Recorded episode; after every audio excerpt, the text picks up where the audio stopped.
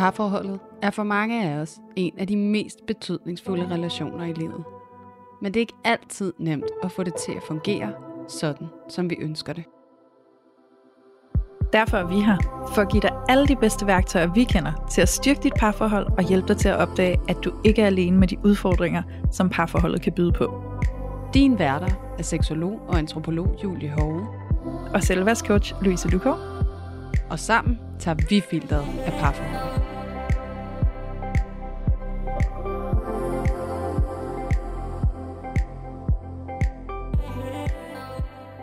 Hej alle sammen, og hjerteligt velkommen til endnu et afsnit af Parforhold uden filter.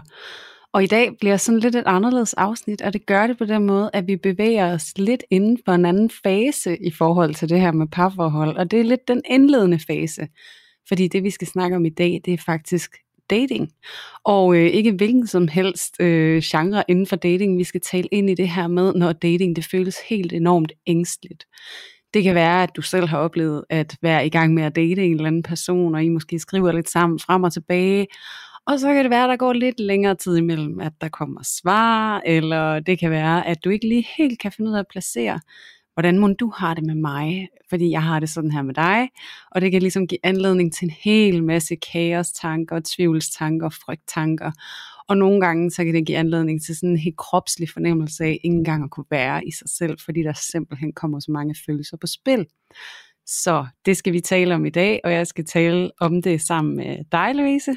Yes.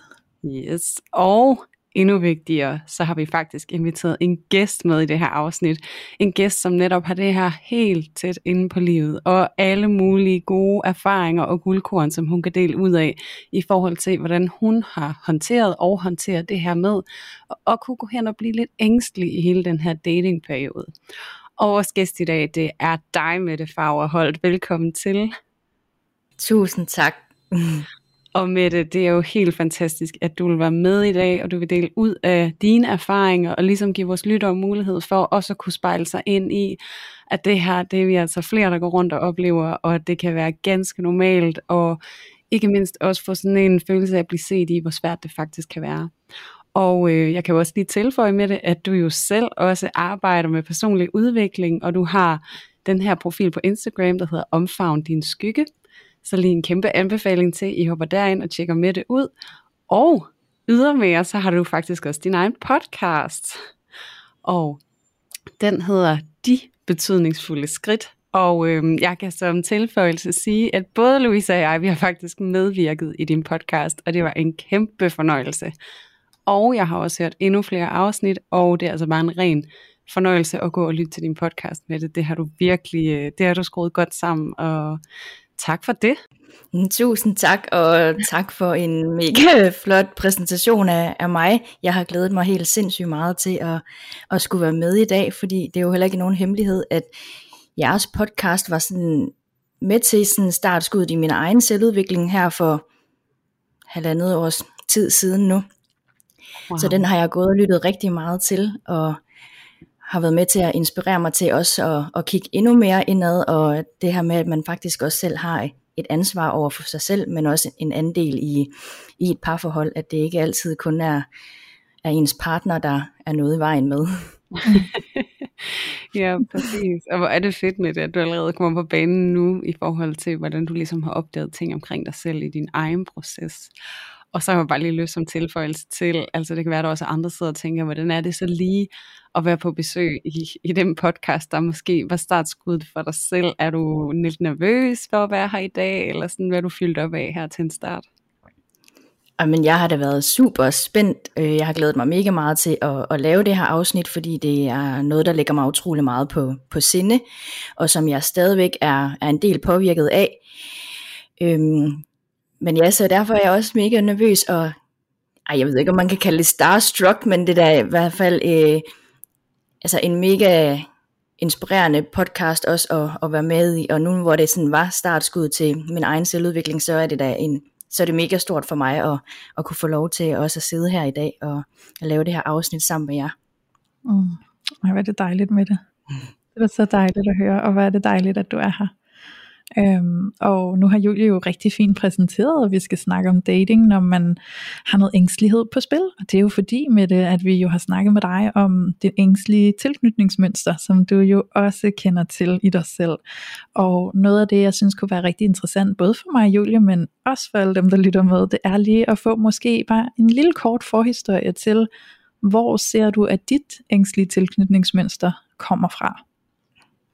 Og, og det er det, jeg synes, der, der er så svært, fordi jeg tror ikke, altså man kan sige som sådan, at det er en situation på den måde, der sådan lige triggede det, eller startede det hele, men som sagt, så er jeg altså adopteret fra Kina, og kom til Danmark, da jeg var to år, så jeg tror helt sikkert, uden at vide alt for meget derfra, at der, der ligger noget helt tilbage dertil. Mm.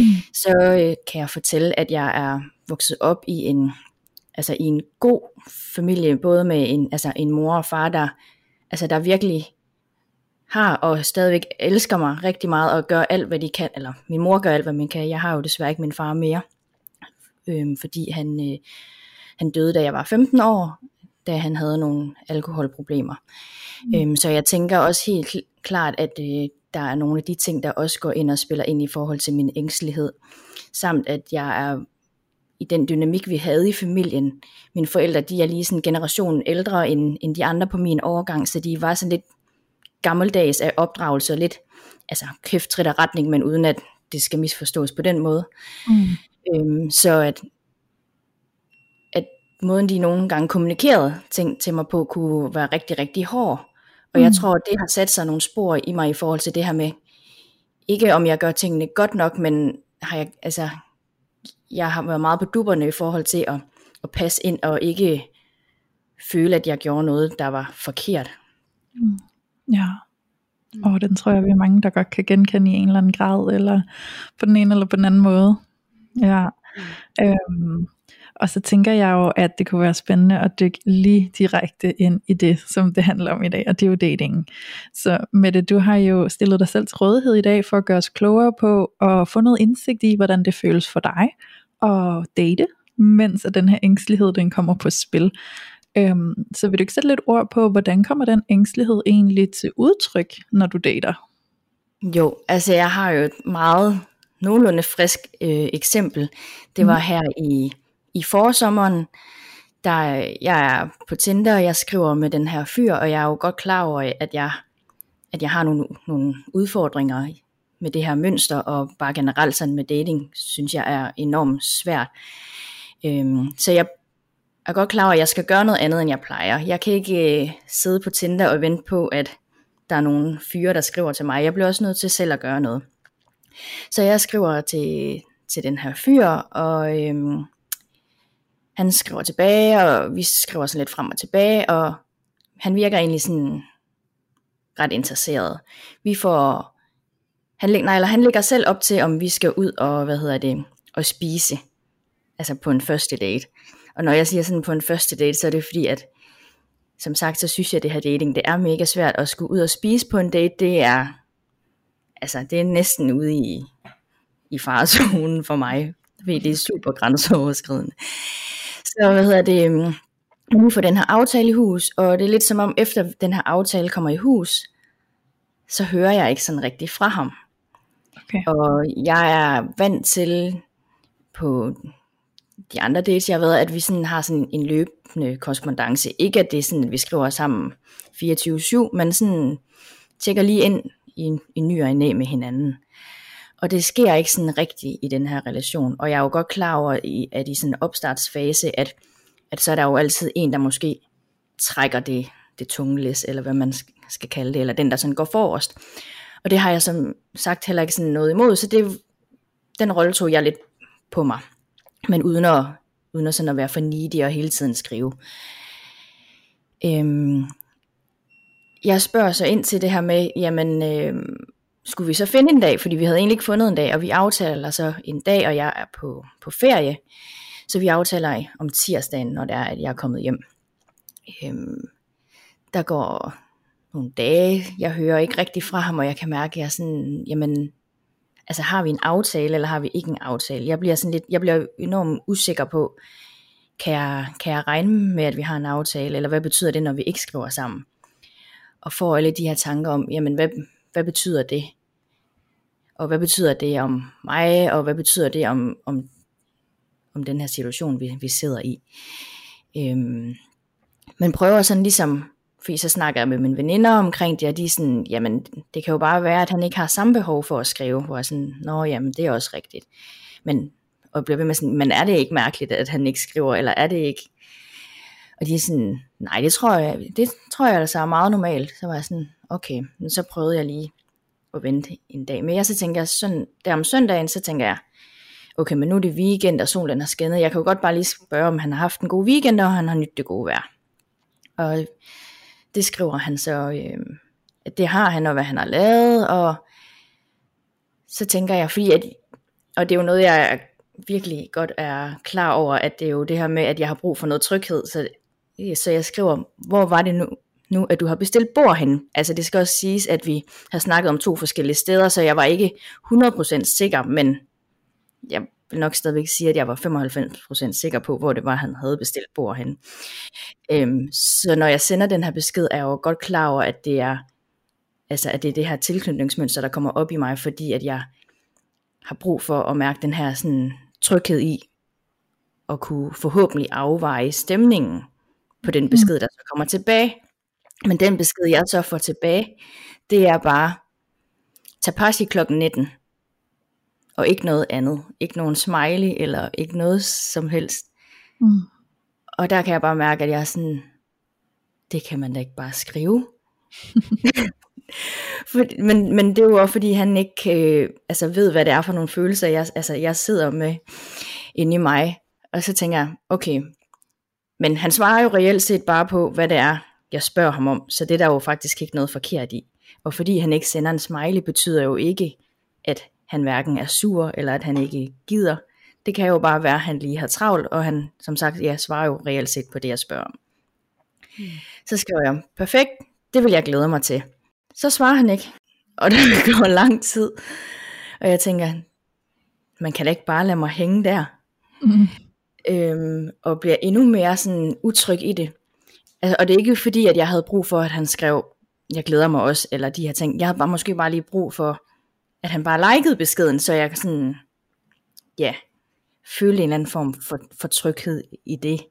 Mm. Det gør han så ikke, og det går så hen og bliver mandag.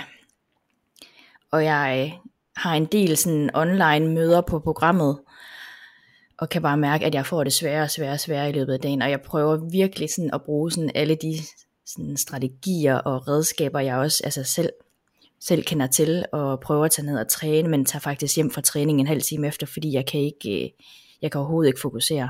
Mm. Jeg kører ud og, og prøver at gå en tur, det hjælper overhovedet heller ikke. Jeg kommer hjem og, og ligger mig i min seng, og så øh, er jeg så øh, mentalt udmattet, jeg rent faktisk øh, falder i søvn og sover halvanden time, inden at jeg skal op til det første møde. Jeg sidder med til det her møde i et par timer, man kan overhovedet ikke øh, koncentrere mig eller være til stede, fordi jeg sådan indeni har en eller anden form for fysisk altså ubehag, øhm, som gør, at jeg faktisk øh, melder af på det her møde og siger, at jeg bliver nødt til at, at smutte. Mm så øh, sover jeg rent faktisk halvanden time igen, og jeg har fundet ud af, at når det er, jeg ikke sådan har det særlig godt indeni, så kan jeg nemt, for jeg også har et godt sovehjert, så bruger jeg nogle gange strategien af at lægge mig til, eller, i, eller det her med at lægge mig til at sove, fordi så fjerner det altså fokuset fra det andet. Øhm, så jeg sov tre timer i løbet af den dag, både fordi jeg altså, var mentalt udmattet, og fordi at jeg, altså, jeg kunne ikke være med, med alt det, der, mm der var inde i mig. Og det var faktisk også den dag, jeg, fordi jeg bliver så desperat inde i, faktisk skriver til dig, Louise, og nu kan jeg næsten ikke engang huske, hvad det er, jeg, altså, hvad jeg skriver, men jeg var sådan helt, jeg var helt ude af den, og kunne ja, bare virkelig ikke være i mig selv. Mm-hmm. Ja, wow. Hvordan lander det hos dig, Julie, når du lytter? Fordi du, du står jo fra den modsatte vinkel i tilknytningsmønstret. Du står jo i den undvigende. Er der noget af det her, du genkender, eller er det noget helt andet for dig? Eller sådan, hvordan lander det, når du lytter til det?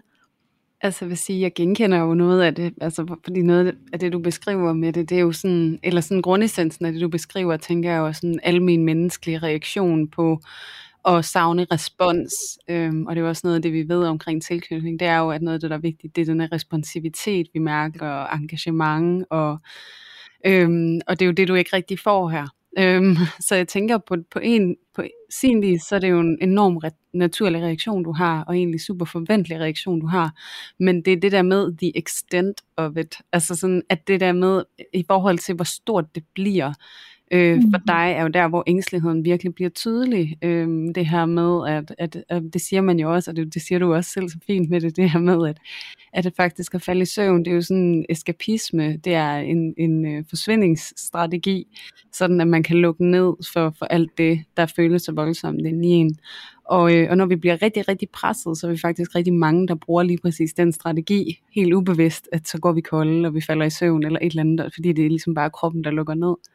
Øhm, og det, at, at du kommer til det punkt, til den strategi i en dating-situation, hvor at, at du mangler svar, og at du føler, at du bliver så afledt fra de ting, du normalvis skal og sådan noget, øhm, det er jo der, hvor jeg virkelig kan se sådan, wow, altså hvordan det kan være noget særligt for dig at skulle arbejde med i forhold til sådan, hvor alt om sig gribende det bliver for dig.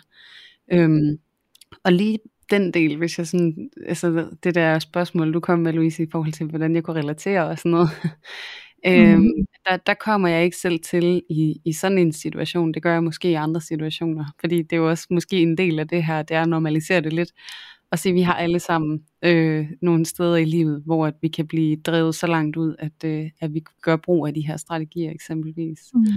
Men, men jeg synes, det er vildt spændende, alt det du fortæller med det. Øh, helt vildt. Jeg synes, det er et rigtig fint billede af, hvordan det kan se ud, og hvordan at noget, som nogen måske kan sidde udefra og kigge på og tænke, Ej, så vildt er det da ikke.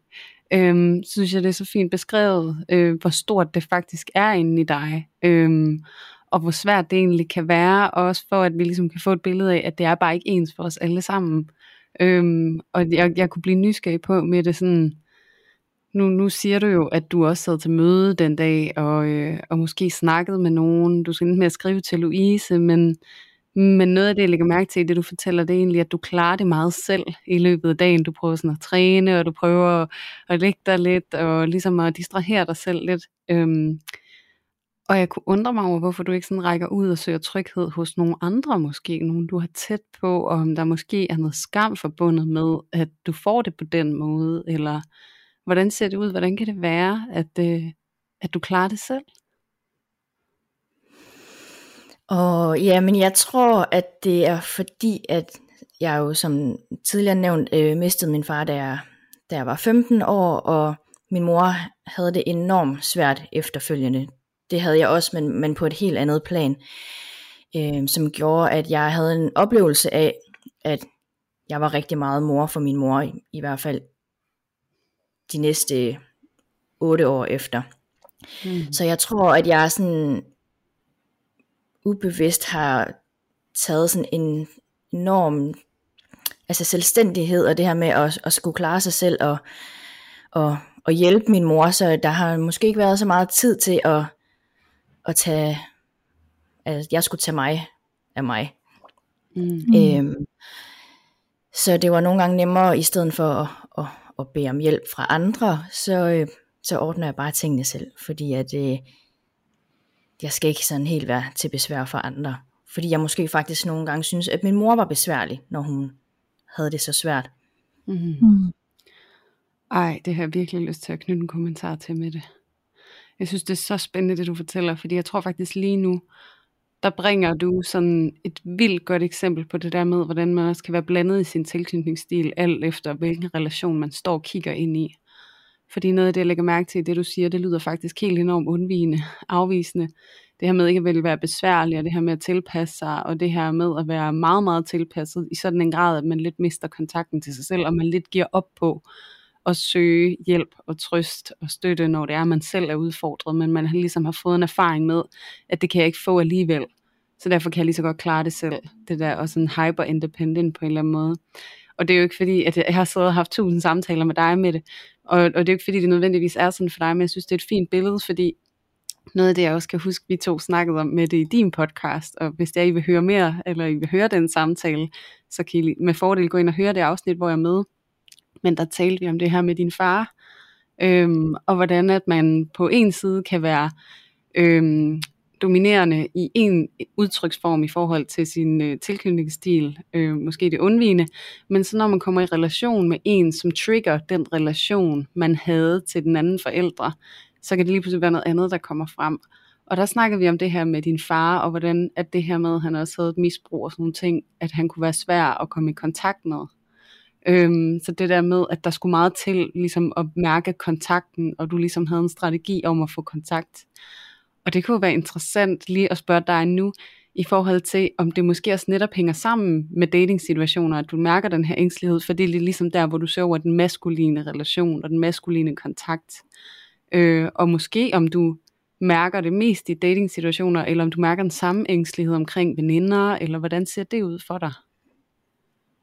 Øhm, jeg har førhen oplevet den rigtig meget i, altså i relation til veninder. Jeg er blevet utrolig øh, selvbevidst om, omkring, at, at der er nogle ting, der går ind og, og trigger mig, og har arbejdet rigtig meget med det. Så i relationer til veninder, der betyder det faktisk ikke øh, overhovedet så meget mere, som det gjorde engang. Fordi at det der er med min ængstelighed, jeg bruger rigtig meget sådan kontakten, som vi også snakkede om, inden vi sådan gik i gang, med at, at afveje stemninger. Hvor, mm. hvor er vi henne i den her relation? Og det der er, det er, at hvis jeg er vant til, eller hvad man kan sige, at øh, vi har en kontakt sådan løbende gennem en dag, så kan det være, førhen så var det, hvis vi var vant til den her kontakt, som, hvor vi skrev med sådan måske 5 minutters intervaller, eller sådan nogle, altså S plus minus, ikke? Hvis jeg så lige pludselig oplevede, at der gik måske 20 minutter, før at jeg, jeg fik et svar, så kunne jeg blive enormt utryg i det, og sidde og tænke, jamen er det fordi, jeg har skrevet noget forkert, eller har han misforstået noget i det, jeg har skrevet, eller der må være et eller andet, jeg har, har gjort forkert. Mm. Så jeg tror, det både kommer i forhold til det her med min far, at han, øh, at han godt kunne nogle gange være fraværende, også i og med, at han, han sov rigtig meget. Så den der følelse af, af fravær og trække sig, at jeg tror, det er den ubehag, jeg, jeg mærker i, i mine andre relationer, også både i både dating, men, men relationer til veninder. Men jeg er også ret sikker på, at der kommer noget i den her i forhold til kontakten fra, øh, eller det her med, at jeg afkoder i kontakten, det kommer lidt fra min mor, fordi som sagt, så øh, man var ikke i tvivl om, hvis mor ikke synes den måde, man opførte sig på, eller der var noget, hun var utilfreds med, at så skulle man i hvert fald godt have gjort det på en anderledes måde. Mm. Øh, så når min mor og jeg, vi kørte altså på det højeste niveau af, af et skænderi, så kunne der godt være, når det var, var værst, gå sådan tre dage, hvor vi ikke sådan rigtig snakkede sammen. Mm. Øhm, og det var ikke fordi vi overhovedet ikke snakkede sammen, men jeg kunne bare lynhurtigt afkode på hendes toneleje, at vi var i hvert fald ikke der, hvor vi sådan var good to go igen. Mm. Så jeg tror i hvert fald, at det der med at afkode i selve i relationen og kontakten, det kommer i hvert fald, tænker jeg, det kommer derfra, at jeg hele tiden lige skal veje ind, sådan, hvor, hvor står vi hen af. Var det en lille kat? Ja, der var en lille kat. Nå. No. Ja, så det tænker jeg helt sikkert, at, at det kommer derfra, og så den der følelse af altså længerevarende stillhed. Og mm. Med min mor, så ved jeg godt, at det var tre dage, og i, i de her datingrelationer, jamen så kunne det måske bare være de her 20 minutter. Men mm. for mig var det stadigvæk de her følelser, jeg blev ramt af. Og skulle jeg have sagt noget andet, har jeg gjort noget forkert? Har han mm. misforstået mig? Fordi jeg oplevede nogle gange, at min mor, hun, hun misforstod mig meget, og det er ikke fordi, at det kun er min mors skyld, at vi, vi skændtes, fordi jeg har helt sikkert også øh, sagt nogle, nogle grimme ting, som der heller ikke skulle, skulle have været sagt, så det er slet ikke, øh, det, er slet ikke det, men jeg tænker, at det er helt klart, at også derfra, at, at det er opstået i mig. Mm. Ja. Helt sikkert. Og jeg synes, det er vildt spændende med det. Øhm, og lige, jeg kan se, øh, for jeg kan jo se jer, og det er jo heldigt for mig. Jeg kan også se, så du har et spørgsmål lige på tungen. Men jeg har bare lige lyst til sådan lige at, øh, at rise op i forhold til, hvor interessant det er, den her væren på vagt, og den her afkodning af kommunikation og kontakt, ligesom er noget, der bliver helt enormt tydeligt i dit datingliv, hvordan du har netop fået fintunet de der forsvarsmekanismer og de der strategier, og hvordan det stadigvæk er dem, der ligesom spiller en rolle i forhold til det her med at etablere kontakt og prøve at danne relationer til andre mennesker. Øhm, og jeg synes nemlig, det er et rigtig fint eksempel at tage frem med det, fordi at jeg tænker jo, der er rigtig mange, der sidder derude og sådan, måske kommer til at bebrejde sig selv lidt, hvorfor er det, jeg gør sådan her? Hvorfor er det, jeg overanalyserer tingene? Hvorfor er det, jeg ikke bare kan slappe af og have tillid til det, eller være lidt mindre dramatisk, eller sådan noget? Og der synes jeg jo, at din historie, den bringer så fint frem, at det tit og ofte bare er noget, der stikker helt vildt dybt, og noget vi virkelig har med os, og som er sorg fra, fra barndommen, og sorg i forhold til det her med at knytte i relationer generelt, og hvordan at det faktisk kræver i rigtig høj grad, at vi er super medfølende over for os selv, i forhold til hvorfor vi reagerer, som vi gør. Fordi man kan sige, at hele det apparat inde i dig, der er blevet så fintunet til at mærke ind på din mor, sådan at du kunne sikre dig kontakt med hende, det apparat har jo hjulpet dig til netop det, at have kontakt med din mor, som du var afhængig af. Og at det apparat nu stadigvæk opererer i nogle andre situationer, det er, jo, øh, det er jo forståeligt, og vi får ikke slukket det for det, medmindre vi ligesom også får beroliget det, i forhold til, jeg har set dig, jeg har hørt dig, jeg mærker dig, jeg føler med dig, jeg forstår, hvorfor du er i gang lige nu, og så kan vi begynde at flytte os over i noget nyt. Så det synes jeg bare var rigtig fint, det havde jeg virkelig lige lyst til at knytte en kommentar til. Tak. Ja, og jeg sidder jo også og lytter med det og smiler. Det kan, det kan I se, det kan lytterne ikke se, men det gør jeg jo, fordi at din beretning, den kan jeg jo spejle utrolig meget i. Øhm, jeg kan jo godt øh, se, hvordan at det er den der ængstelighed, der virkelig kommer på spil, fordi jeg genkender jo, øh, nu er det godt nok mange år siden, jeg sådan har datet, øhm, og man kan jo også sige, at mit, min ængstlige tilknytning er jo også virkelig blevet arbejdet meget på, så den er jo ikke fremtrædende på samme måde, øh, som den har været engang, men hold nu op, hvor kan jeg genkende din historie fra dengang jeg stod og skulle date, eller sådan tidligt i parforholdet, og det stadig alt sammen var sådan lidt usikkert, og det er så vildt at høre dig fortælle, hvordan at din hjerne sådan per automatik går i worst case scenario. Øhm, jeg tror alle dem der sidder og lytter med, som også øh, ligger over i det ængstlige, de kan genkende din historie, det tror jeg 100% de kan i en eller anden grad, og kan måske også godt genkende det med at gå i worst case scenario, ikke? Så, så som du forklarer der, hvor der ikke ligesom kommer et svar i 20 minutter, efter der lige har været sådan pingpong med korte mellemrum, med det samme, så er du klar til at vende ind mod dig selv og sige, der er noget galt med mig jeg har fejlet, jeg har gjort noget galt, øh, nu kan han sikkert ikke lide mig mere, nu er han sikkert bare på vej til at lukke det her ned, og så er det slut, og så står jeg her tilbage, øh, failure, og ved ikke, hvad der skal ske med mig, fordi jeg er åbenbart ikke sådan en, man kan lide, eller jeg er ikke sådan en, man kan elske, jeg er ikke sådan en, man har lyst til at date, fordi jeg gør åbenbart det her forkert. Ikke? Øhm, og det er bare så vildt at se, at det er den teknik, øh, der sådan sker, eller sådan strategi, eller hvad vi skal kalde det, øh, tendens, og her er jeg nysgerrig på, hvordan griber du dig selv i det? Så når du kommer ind i de der worst case scenario tanker, hvor du begynder at pege ind mod dig selv og gøre dig selv forkert, hvordan griber du dig selv i det, mens du står i det? Jamen, jeg tror, fordi jeg også arbejder så meget med selvudvikling, så er jeg som sagt jo ret bevidst omkring det her, så selvfølgelig når jeg at, at tænke de her ting. Og så er det som om, at så stopper jeg lige op og siger sådan, hey, okay, prøv lige at at trække vejret lidt. Mm. Og så siger jeg til mig selv, okay, men hvad er det, jeg får det her til at betyde om mig? Mm-hmm. Eller hvad får jeg den her situation til at, eller det er han, hans adfærd, hvad får jeg den til at betyde? Jamen den får jeg måske til at betyde, at det er ikke så meget måske det her med, at jeg ikke sådan er, er god nok. Det er mere, jeg, jo, jeg tager den ind af, og jeg tænker, okay, har jeg gjort noget forkert? Og så kigger jeg lige på den sidste besked, jeg så har skrevet, og så er jeg sådan, ej okay med det du har jo ikke skrevet noget, der altså, man kan altså, misforstå, eller, eller noget som helst andet. Så, mm-hmm. så, det er jo ikke, så det er jo ikke sandt, at, at du, har, du har gjort noget forkert, som han måske ikke skulle kunne lide. Så siger jeg også til mig selv, jamen er det, jamen er det sandt, at han ikke, altså, at det betyder, at han ikke vil dig nu.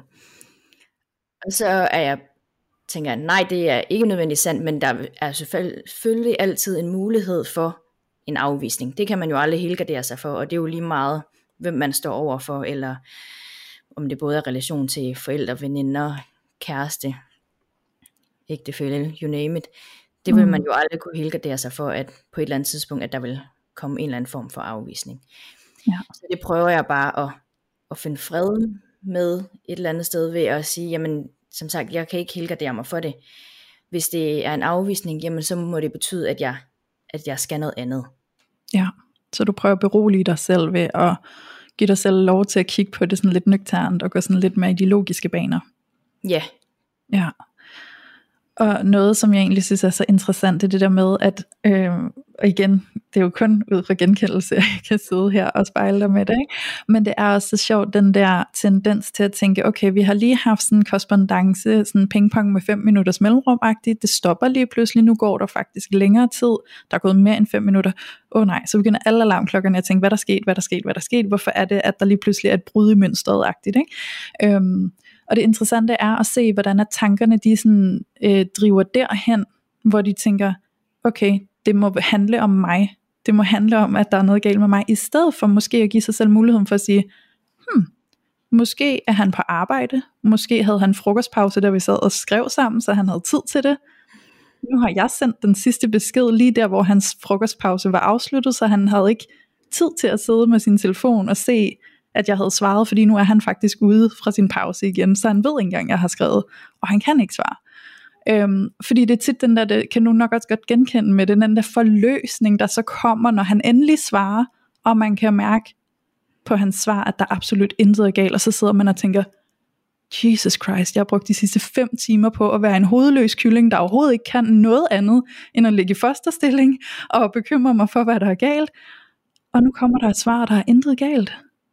Ja, og det har jeg faktisk et, et mega godt eksempel på, også fra, altså fra samme øh, dating-situation, som, som jeg har beskrevet tidligere.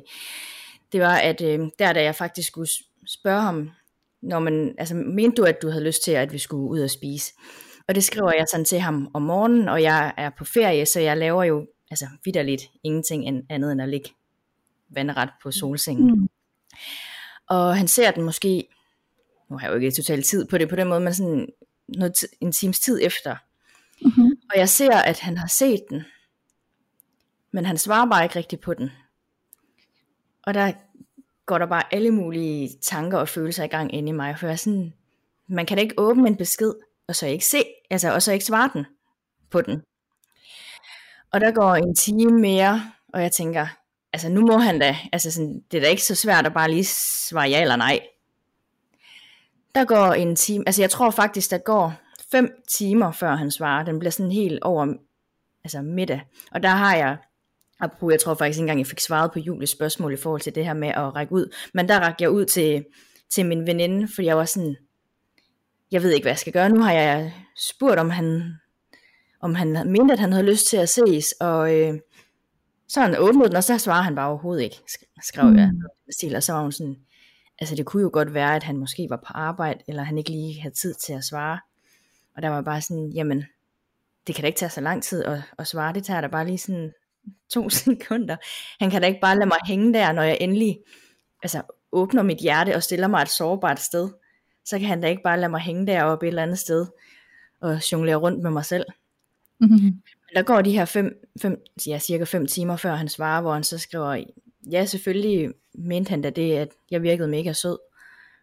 Og der altså, føltes det bare som om, der faldt altså, en, altså et kæmpe pres altså, af mine skuldre, mm. og blev sådan 10 kilo lettere nærmest. Ja.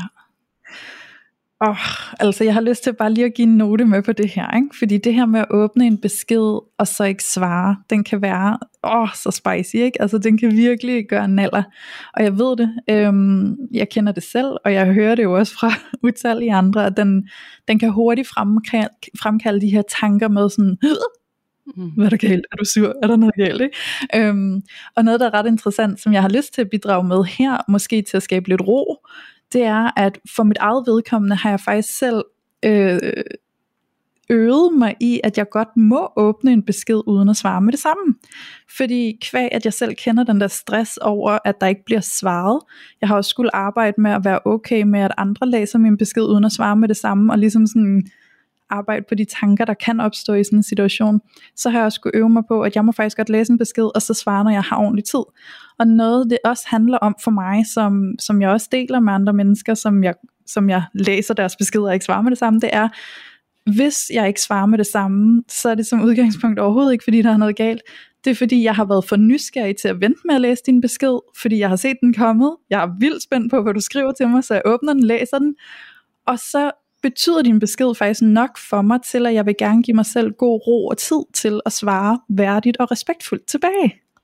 Så derfor så er det virkelig værdifuldt at tænke indimellem, at okay, måske er det faktisk fordi, at vedkommende gerne vil svare mig, når de har ordentlig tid til at gøre det i dybden, hvor de, hvor de altså sådan, så det ikke bare skal gå hurtigt, ikke? Øhm, fordi jeg hader selv, hvis det skal sådan være lidt for hurtigt, og det er noget, der egentlig betyder noget for mig, så, så tænker jeg, nej, den skal lige have lov at vente. Mm. Og det mm. kan også godt være, at jeg har brug for lige at gå og mærke ind i, hvad jeg lige vil svare, fordi jeg godt vil give det sådan den rigtige kærlighed, det jeg skal skrive. Ikke? Mm. Så, øh, så det håber jeg kan være en tanke og en lille note, der kan hjælpe alle jer, der sidder derude, og måske kan have den der stress med en left on red. Øh, jeg håber, det kan skabe lidt ro og tænke på den måde, fordi det er ofte i hvert fald det, som der sker fra min side af. Det kunne jeg også godt forestille mig der hos andre. Ja, også mig. Altså, og det var også, altså igen, nu kan I ikke se os, jeg sidder sådan og vipper armene op over hovedet, fordi det er sådan, kender, kender, jeg er 100% mm. sådan der. Altså, jeg lader alle folk hænge. Nærmest. Altså, med mindre det arbejde, så bestræber jeg mig på at lade være, men det er simpelthen, fordi jeg har hammer travlt, og så vil jeg gerne svare ordentligt. Og så kan mm. jeg sige, måske også lidt fra sådan et undvigende ståsted i forhold til at skrive med en, der er ængstelig, så øh, kan jeg i hvert fald genkende, at så kan jeg næsten være endnu mere forsigtig med at svare, fordi at jeg gerne vil svare sådan, at jeg ikke skaber drama over i den anden lejr, fordi at jeg jo virkelig godt kan lide, når der er ro på sættet. Ikke? Mm. Så jeg skal virkelig tænke godt og grundigt over mine ord og sende det afsted på den rigtige måde, så at vi ikke skaber noget drama, så der bliver alt for meget larm, fordi det overgår mm. jeg ikke. så sådan kan man sige, hvis man kan mærke, som måske som undvigende, så kan det jo også være, det er noget, du kan genkende derude, det her med, at man mærker, at der kommer rigtig meget fra en side, og sådan som du skal forholde dig til, men du vil egentlig gerne lige breathe på den, og så lige tage dig god tid, for, fordi du vil gerne have lagt den ned. Du vil ikke opleve mm. noget. Og der ved man per erfaring, hvis jeg sender noget afsted nu, og der ikke er en smiley, eller en eller anden kærlig formulering, så, så gør jeg det endnu værre. Så nu venter jeg lidt ja. øhm, og prøver ligesom at, at gøre det sådan lidt mere gennemarbejdet, inden der ryger noget afsted. Så, og det er jo igen også bare lige for at bakke op om dig, Louise, og sige, at der kan være så mange overvejelser, også fra den, den side, som skal svare, ikke? Øh, mm-hmm. Måske at være med til at berolige den, som er ængstelig lidt også. Ikke? Altså, der kan være rigtig meget omtanke fra den anden side, også selvom det bare er en restaurant, eller hvor skal vi mødes. Ja, ja. Øh, og interessant nok med det, måske lige præcis i det, Tapashi kl. 19, ikke? det blev ikke modtaget så godt, at det var sådan så simpelt, uden noget, uden smileys. Og der sad jeg og tænkte, åh, fugle, du skulle så meget sende en smiley med, så har du haft mere ro på den der, ikke? øhm, så det er jo så sjovt, og det er måske egentlig også en, en, en spøjs øh, samtale at have generelt omkring det her med at kommunikere og sådan noget. Vi skriver mere med hinanden end nogensinde før. Og der er jo sådan alle mulige nye normer og omgangsformer i forhold til, skal der være smiley, ikke smiley, og hvordan skal vi formulere os for, at det ligesom er acceptabelt. Ikke? Så, så jeg tror også, det er sådan en helt tema i sig selv, øh, texting, og, sådan, og hvordan man møder hinanden på en fin måde der, fordi der er vi også bare forskellige. Ja, det kan godt være, det var lidt et sidespor, men jeg synes, det var sjovt, Louise, jeg havde lige lyst til at stemme i. Ja, jeg tænker også, det er meget relevant. Netop fordi jeg tror, at rigtig mange af os bruger øh, tekstformatet, øh, særligt i datingfasen. Øh, og med det, altså, at det kunne også være en gren, vi åbnede for, men det tror jeg egentlig ikke, vi skal gøre lige nu. øh, men øh, med det, jeg er også lidt nysgerrig på, den her ængstelighed, du oplever, når du er i dating, er det noget, du på nogen tidspunkter i startfasen deler med dine dates, at du går igennem nogle af de følelser, eller er det noget, du sådan føler, du skal holde for dig selv? Mm, det er faktisk ikke noget, jeg har, har delt før overhovedet, og nu skal det også siges, at jeg dater ikke sådan super meget, er, har gjort det meget mere det seneste år, kontra hvad jeg sådan har gjort før i tiden. Men mm. jeg tror sådan ubevidst, at jeg holder mig lidt tilbage og finder alle mulige forskellige strategier og undskyldninger for, hvorfor jeg ikke behøver at skal ud af det. Selvom jeg jo altså inderst inde har en, en længsel efter også at skabe den her trygge kernefamilie, som jeg mm. måske et eller andet sted selv også altså, har manglet, og har også været et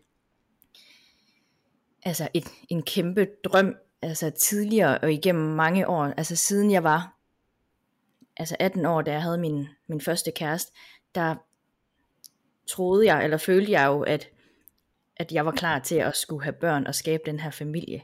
Altså Gud skal tak og lov for, undskyld, at jeg ikke øh, har gjort det endnu, og mm. gjorde det, eller gjorde det dengang, men, men det har jo været et kæmpe tema for mig, igennem hele mit liv, som jeg også tror har gjort det ekstra svært for mig at give slip på de her relationer. Ikke, måske ikke lige dates, men i hvert fald altså min, par, min tidligere parforhold.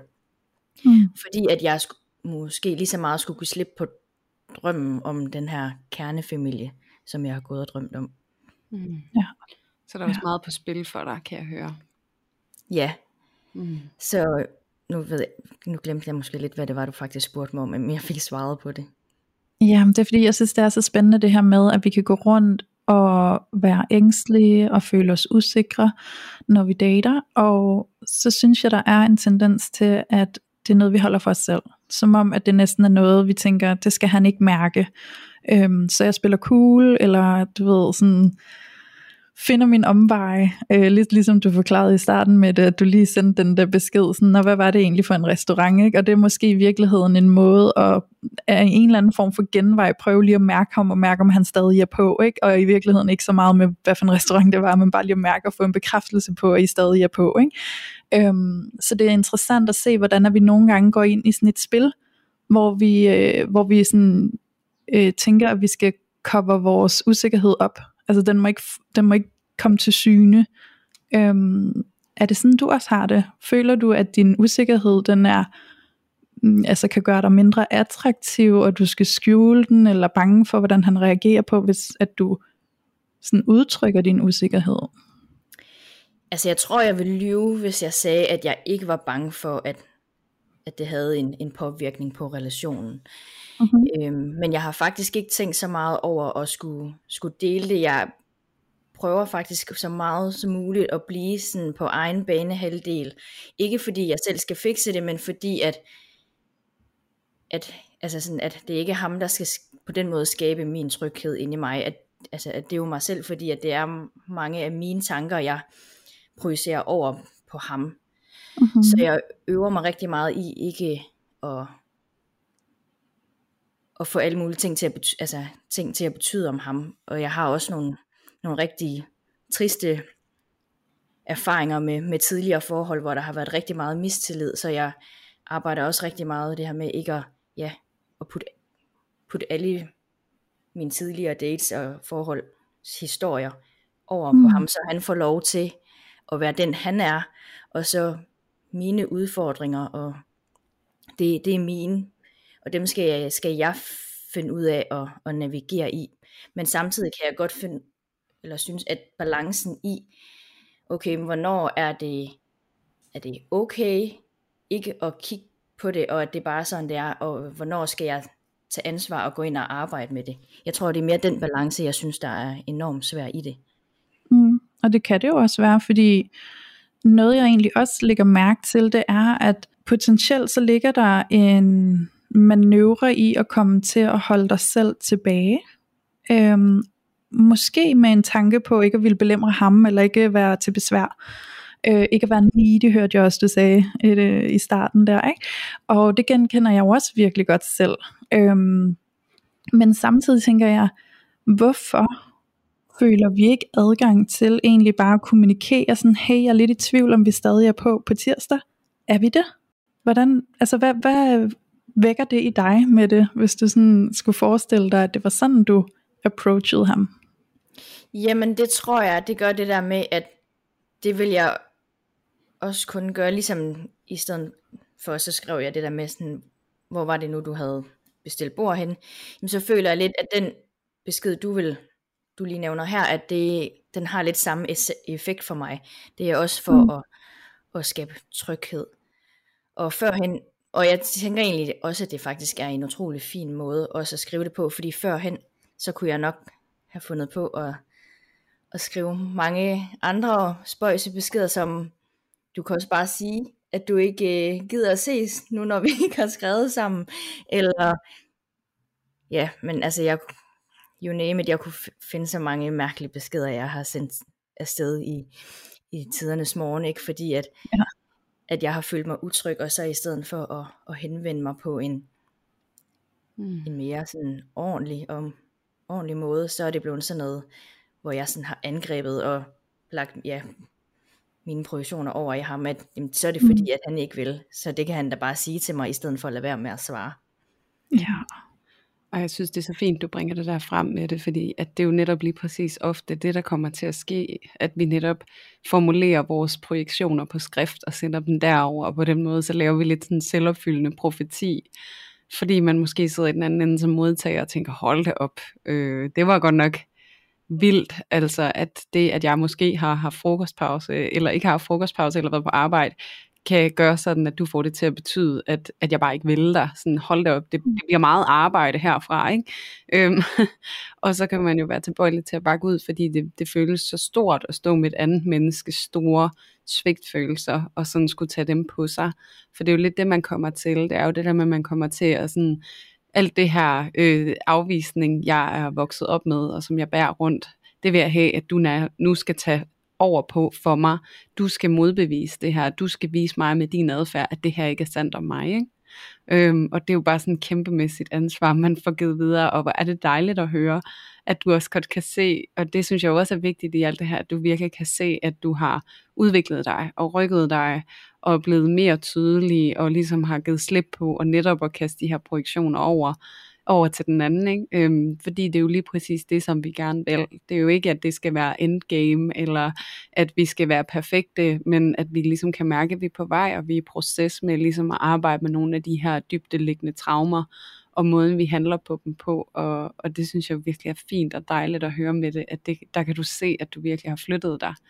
Øhm, og så er jeg jo lige nysgerrig måske også i forhold til kontrasten, øhm, fra tidligere, hvor du ikke havde arbejdet med dig selv, og hvor du kunne se, at du sendte nogle, som du selv siger, underlige beskeder afsted, øh, kontra nu. Altså hvis du sådan lige med dine egne ord skal prøve at fortælle lidt om, sådan, hvad er det, der er forskellen? Altså hvad er det, der er anderledes for dig? Hvad er det, du har arbejdet med der, som gør, at du har lavet det skifte?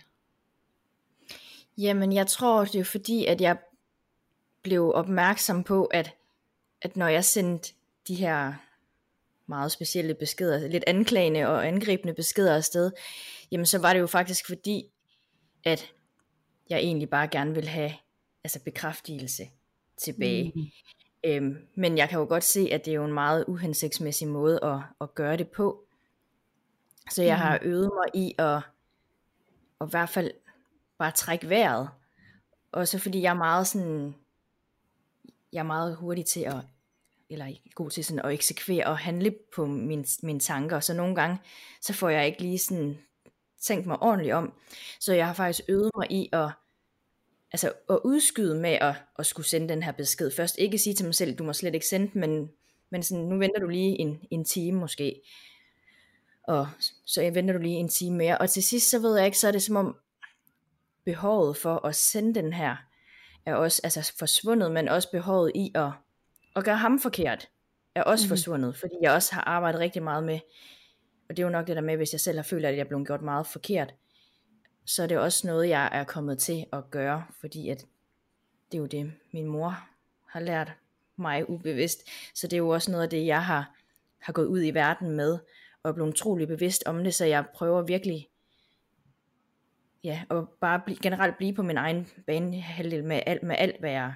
mere eller mindre gør, for ikke at gøre andre forkerte i, i den måde, de er på, fordi at de har jo også en historie og nogle mønstre og nogle strategier, så at det skal jeg jo også kunne rumme, hvis jeg gerne vil have, at de skulle kunne rumme mig og, og mine strategier, selvom at vi ikke taler højt om dem. Hmm. Wow, det lyder virkelig fint med det, og det lyder virkelig som sådan grundessensen i personlig udvikling det her med at flytte sig virkelig fra et enormt smertefuldt, sådan næsten afmægtigt sted, og så over i at opdage, wow, jeg kan faktisk godt gøre noget, jeg kan godt forandre noget, og gennem min nye måde at være på, så får jeg også en ny oplevelse af verden omkring mig. Øhm, det synes jeg virkelig er rigtig, rigtig fint. Og jeg sad næsten og tænkte på sådan, om man skulle sådan udvikle et eller andet værktøj til, til jer, der måske sidder derude, hvor man netop kan blive enormt ængstelig og komme til at nedfælde alt muligt usikkerhed på skrift og projektioner, og jeg skal komme efter dig. Altså sådan en regel om, at du skal skrive beskeden, og du skal omskrive den 10 gange, før du må sende den, eller sådan noget. Og der skal være så så lang pause mellem, du skriver dem, for ligesom at komme ned i kernen og komme tilbage til at være ansvarlig og ansvarsfuld omkring det, vi får sendt ud i verden. Ikke? Øhm, fordi det er så fint sagt med det, det der med lige at trække vejret og lige uh, komme ned, fordi det er jo ens nervesystem, der bare pumper fuldstændig op til gear, og, øh, og som bare reagerer på alt det, vi har med os. Og i dit tilfælde, så er det jo hele den her dynamik med din mor, ikke? Altså, det er jo præcis samme reaktion, der sker på indersiden af dig. Og det der med, at vi er nødt til at lige komme ned i gear, for lige at blive sane igen. Fordi mm. man er sådan et sted, hvor man bare er fuld af en reaktion. Så ja. det synes jeg bare rigtig fint, og mega sejt, at du er kommet så langt med det. Det har jeg den største beundring omkring. Jeg synes, du er super sej. Ja. Tak. Tusind tak. Jeg havde faktisk lige noget, fordi Louise, du spurgte mig tidligere omkring det her med, om, om jeg nogensinde delte det. Og det mm. svarede jeg egentlig på, det gjorde jeg ikke, men jeg tror, grunden, en anden grund, som gør, at det er svært for mig at dele, det er, at jeg i mange år ikke har været særlig god til at stille mig sårbart og åbne op omkring mine følelser, og ikke kun sådan de dybe følelser inde i mig, men også bare, hvis jeg har synes, at en fyr, jeg har datet, er sød, så har jeg svært ved at, ikke så meget at, sådan at skulle sige det sådan til ham, men, men mere det her med at åbne op omkring det for, for familie og, og veninder. Der har jeg altid, eller nu skal man passe på med altid, men der har jeg i der har jeg i mange situationer, du ved, sådan lagt lidt låg og kom til at, sådan, at gøre sådan ham forkert for at, at distancere mine altså, følelser i relationen. Ja. Og også haft svært ved at åbne op i de her relationer, som så har gjort, at når det er, at måske efter 4-5 måneder, halvt års tid, plus minus, er begyndt at åbne op for, hvordan jeg virkelig har det i den her relation, så har det mm. skabt sådan en eller anden modeffekt for ham, fordi at han har måske været klar altså lang tid før mig. Ja. Så at han måske et eller andet sted begynder at miste interessen, fordi at det har taget mig så lang tid for at, at åbne op i den her, mm. her relation. Men når jeg så først er begyndt at åbne op, så er det jo der, at jeg føler, jeg giver altså hele, det hele af mig. Mm. Men hvis jeg så oplever afvisningen der, ja. i, i et eller andet omfang, så mm. sad jeg i hvert fald tilbage med en følelse af, jamen så behøver jeg jo ikke at skal åbne mig op, fordi at mm. det mister jeg på, eller det bliver jeg afvist af. Ja. Ja, så din oplevelse bliver, at det sårbare, det er faktisk det, der ødelægger det for dig. Ja. Mm. Ja. ja. Wow.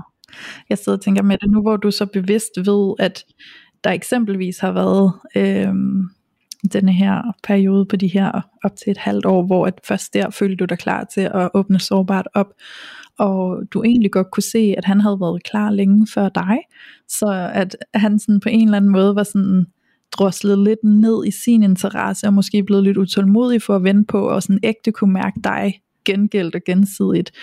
Øhm, har det givet dig måske følelsen eller indsigten til at tænke, okay, men så vil jeg prøve at åbne op lidt før.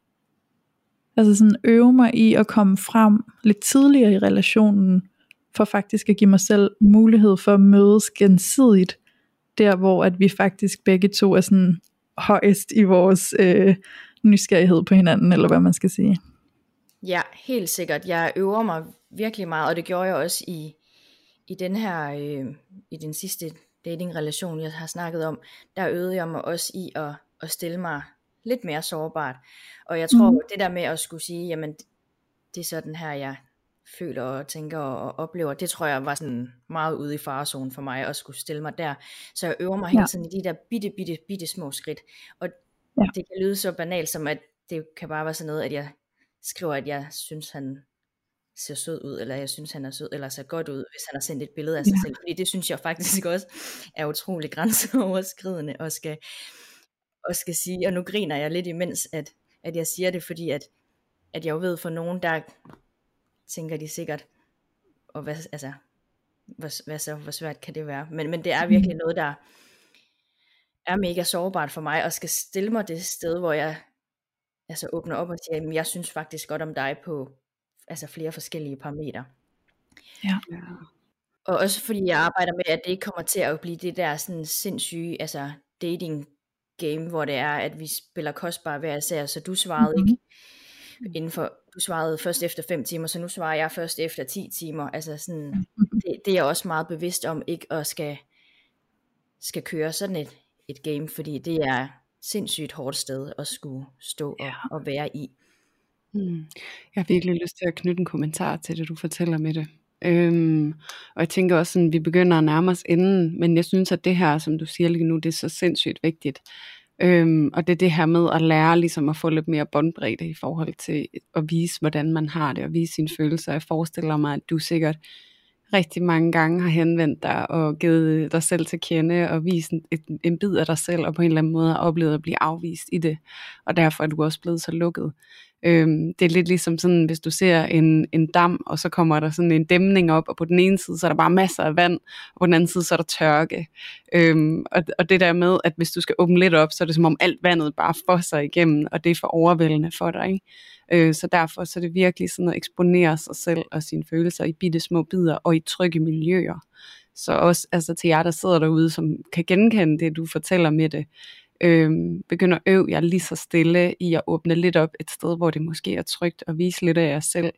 Øh, fordi der er jo en grund til, at der er blevet lukket ned. Det er jo fordi, at, at I har brændt nallerne de gange, I er kommet frem. I er ikke blevet mødt hensigtsmæssigt. Og så det her med at vise sig selv, og hvordan man har det, at man har interesse for nogen bare vildt sårbart. Og jeg kan godt lide at se det som, altså det er ligesom hvis du aldrig nogensinde har dyrket sport, og du beslutter dig for, at du skal gå i spagat, og det er det første, du gør så får du altså en skade, og det er, sådan, det er slet ikke hensigtsmæssigt. Så det der med stille og roligt at begynde at øve sig med at komme ud i positionerne, og ligesom at mærke, okay, det her det går, og jeg går ikke i stykker, og det er fint nok, det er altså rigtig, rigtig vigtigt, når at vi står og mærker den der kæmpe blokering følelsesmæssigt. Fordi der også godt nogle gange kan komme sådan lidt et narrativ omkring, at ah, du skal bare vise dig selv, og du skal give dig selv 100%, og hvis ikke han elsker det, så har han ikke noget for dig alligevel. Øhm, der er det også vigtigt, at vi forstår, at, at for nogen, så det her med at have undertrykt sine følelser i så lang tid, der kan det altså blive helt enormt øh, overvældende og eksplosivt, hvis vi bare skal vise alt, hvad vi er, fordi det et eller andet sted kan være sådan ret ubearbejdet, ret umodent på en eller anden måde, fordi vi ikke er blevet mødt i det før. Så ja. også bare sådan en kæmpe medfølelse med dig med det, og at du faktisk er gået ind i den her proces, hvor du øver dig på at vise lidt mere af dig selv hele tiden, og, og ligesom træde forsigtigt ud og mærke, om oh, det er okay, og det gik, og det var ikke helt den reaktion, jeg regnede med, nå, men det klarede jeg faktisk også, okay, så prøver vi lidt mere. Så det der med at stille og roligt bevæge sig fremad, og ja, det havde jeg lige lyst til at knytte til, fordi at, at jeg tænker, at det du bringer frem her til sidst med det, det er jo virkelig genkendeligt for rigtig mange. Og øh, det er altså ikke altid midlet til at åbne op at bare blot det hele på en gang, og så øh, forvent, at øh, der er nogen, der bare kan tage imod os, fordi det kan være super overvældende. Mm. Ja. Ej, jeg tror måske faktisk bare afrundingsvis, fordi at det her dating eksempel, hvor jeg skulle ud og spise på Tapasi, der om tirsdagen, da vi faktisk skulle ud og spise, der skrev vi heller ikke sammen hele dagen, men jeg havde øh, en meget bedre følelse inde i mig selv, fordi at, at jeg tror, at jeg gav mig lov til at, at være i de følelser, jeg havde om, om mandagen, og hvor jeg slet ikke kunne være i det og gjorde det, jeg havde brug for, og fik sagt nej til nogle, nogle ting, som jeg ikke kunne være i, for at, at kunne være med mig selv. Så hele tirsdag, der var jeg egentlig i ro, og vi skrev faktisk heller ikke sammen helt indtil, at vi skulle mødes på Tapasi. Og det var altså en vild fed følelse at, at overvinde alt det, jeg havde været med om, om mandagen. Og han dukkede sådan set også op på, øh, på dagen, og vi havde en, en mega fin altså middag, og der var slet ikke noget der overhovedet. Så det tænker jeg faktisk også er en fin afrunding på det her mm. afsnit i forhold til, at, at nogle gange er det også altså, sundt at mærke efter inde i sig selv, men også prøve at, at blive i det og tro på, og have tilliden til, at jamen, hvis han ikke havde lyst til at skulle ses med mig alligevel, jamen så er det også hans ansvar at, at informere mig om det. Og indtil da, mm. så må jeg øve mig i at, at stole på, at, at han nok skal sige fra, hvis det er. Ja, lige præcis. Mega vigtigt. Oh, det er så godt. Tak for lige at droppe de guldkorn her på falderæbet med det. Jeg tror på, at der har siddet nogle øh, ængstlige derude og lyttet med, som har kunne, kunne virkelig spejle sig og genkende sig selv i alt det, du har fortalt i dag med det. Og jeg tror på, at der er givet nogle værktøjer ud til alle jer, der har lyttet med, som har brug for dem, som I kan tage fat i og faktisk begynde at øve jer på. Så I forhåbentlig også kan træne det her øh, trygge tilknytningsmønster, selvom at I er i dating og ikke i et parforhold. Så, øh, så man kan sige, tilknytningsmønstret, det er jo noget, vi godt kan træne, selvom vi ikke er i et parforhold, for vi kan jo træne det i alle former for relationer. Og tusind tak for i dag til jer begge to. Tusind tak, fordi du har haft lyst til at komme ind og være med med det. Ja, tusind tak, fordi jeg måtte være med. Det har været en, en fornøjelse. Ja, Det har virkelig også været en fornøjelse at have dig med med det. Og, øh, og nu er der ligesom også øh, fuld plade. Nu har vi alle sammen været med i hinandens podcast. ja. Og, øh, hvad er det, man siger? Full circle. ja, full circle. Yes, det er skide godt. Ja, nej.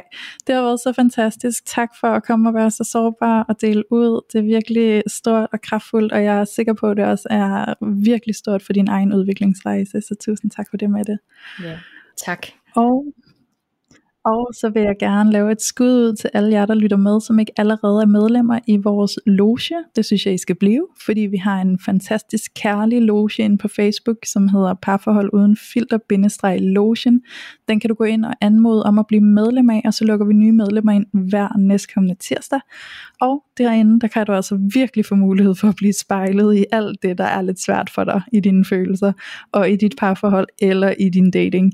Så kom endelig derind og del de dilemmaer, du står i, eller hvis der er nogle emner fra podcasten, du gerne vil have sparring på, så er der altså bare et hav af lyttere derinde.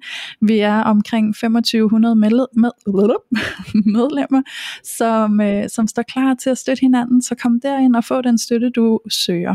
Og Julie, så tænker jeg, om du ikke vil lave et lille skud ud til lidt anbefalinger til vores podcast. Jo, meget gerne. Vi elsker simpelthen, når I kommer med jeres anmeldelser af vores podcast, og ikke mindst også, når I anbefaler den til andre. Vi kan virkelig se os, hvordan det rykker i vores loge, når det er, I ligesom deler ud af, hvad det er, det giver jer at være med i logen, og ikke mindst, hvad det også giver jer at lytte med på vores podcast.